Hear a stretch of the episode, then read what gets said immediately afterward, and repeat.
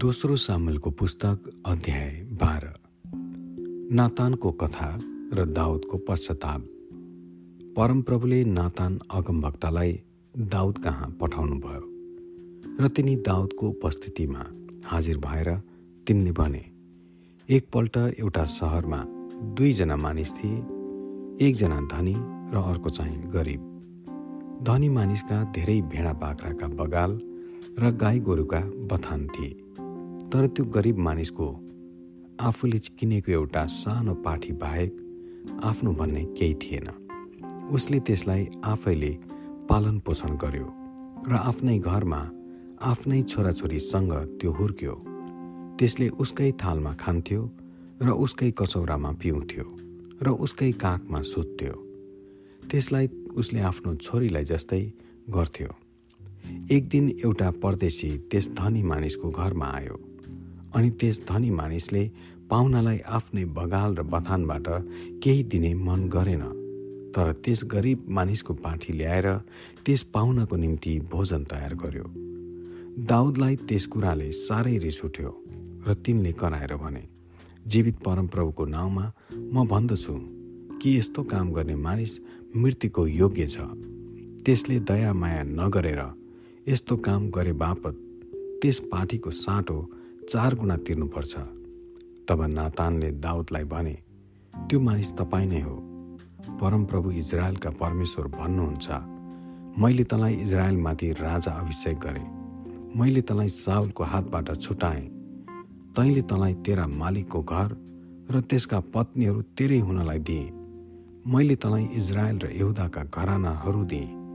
अनि यतिले नपुगेको भए म तपाईँ तँलाई अरू धेरै दिने थिएँ तर तैँले उहाँको दृष्टिमा जे खराब थियो त्यो गरेर किन परमप्रभुको वचनलाई तुच्छ ठानिस्? तैँले हित्ती उरियाहरूलाई तरवारले मारिस् र तैँले त्यसकी पत्नीलाई आफ्नी बनाउन लगिस्। तैँले त्यस मानिसलाई अम्मुनीहरूको तरवारले मर्न दिइस्। मैले तँलाई तुच्छ ठानेको हुनाले र हित्ती उरियाकी पत्नीलाई तैँले आफ्नी पत्नी तुल्याउनलाई लगेको हुनाले तेरो घरानाले कहिल्यै तरवारबाट विश्राम पाउने छैन। परमप्रभु भन्नुहुन्छ म तेरो आफ्नै घरानाभित्रबाट तँमाथि विपद ल्याउनेछु। म तेरा पत्नीहरूलाई लिएर तेरै आँखाको सामुन्ने तेरो नजिकको मानिसलाई दिनेछु र त्यो दिउँसै तिनीहरूसित सुत्नेछ।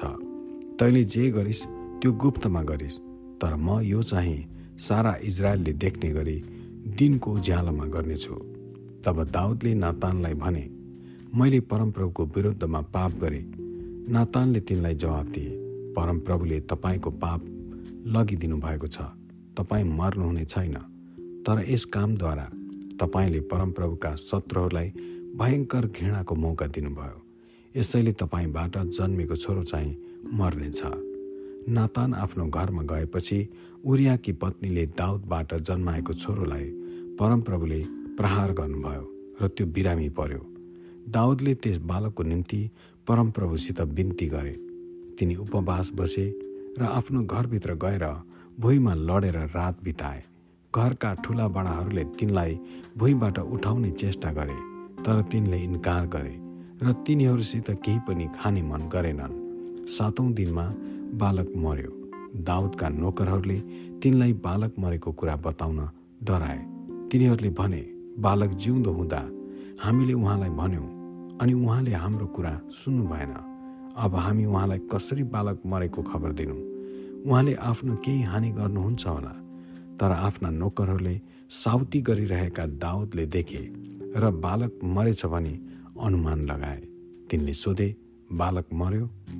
अनि तिनीहरूले जवाफ दिए हो तिनी मरे। तब दाउद भुइँबाट उठे स्नान गरेर तेल लाए वस्त्र फेरे अनि परमप्रभुको भवनमा गएर तिनी घोप्टो परेर दण्डवत गरे। त्यसपछि तिनी घर गए।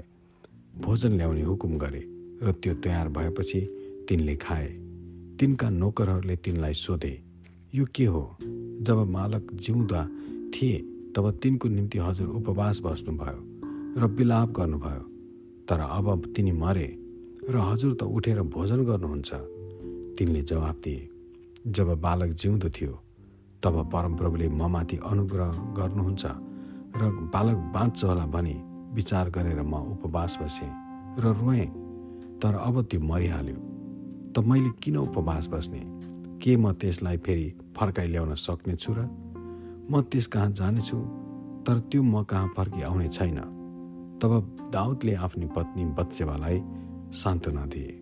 दाउद तिनी कहाँ गए र तिनीसित सहवास गरे। अनि तिनले एउटा छोरो जन्माइन् र त्यसको नाम सोलोमन राखियो। परमप्रभुले त्यसलाई प्रेम गर्नुभयो। अनि परमप्रभुले त्यसलाई प्रेम गर्नुभएको हुनाले त्यसको नाउँ यति यहाँ राखियो भनी नातान अगमभक्तद्वारा उहाँले दाउदलाई समाचार पठाउनु भयो त्यसपछि युवाले अम्मोनीहरूको सहर रब्बालाई चढाइ गरेर राजाको किल्ला कब्जा गरे। तिनले यस्तो खबर दिएर मानिसहरू दाउद कहाँ पठाए। मैले रब्बालाई चढाइ गरेर त्यसको जलस्रोत लिएँ। तपाईँले बाँकी सेनालाई जम्मा गरेर आफैले सहरलाई घेरा हालेर त्यो लिनुहोस् नत्र त म त्यस सहरलाई लिनेछु र मेरै नाउँले त्यो कहलाइनेछ। त्यसै कारण दाउदले सारा सेना जम्मा गरे र रब्बा सहरमा गए अनि त्यसलाई आक्रमण गरेर लिए। तिनले उनीहरूका राजाको शिरबाट शिरपेच उतारे। त्यो एउटा बहुमूल्य रत्न जडेको सुनको थियो र त्यसको ओजन एक तोडा थियो अनि त्यो दाउदको शिरमा राखियो। तिनले सहरबाट औधी धेरै लुटका माल ल्याए। तिनले त्यहाँका बासिन्दाहरूलाई लगेर आरा र फलामका अरू किसिमका हतियारहरू र बन्चराहरूले काम गर्न लगाए अनि इँटका भट्टीहरूमा पनि इँट बनाउन लगाए। दाउदले अम्मोनीहरूका सबै सहरहरूमा यस्ता काम गर्न लगाए। त्यसपछि दाउद र तिनका सबै फौज एरुसलेममा फर्के। आमेन।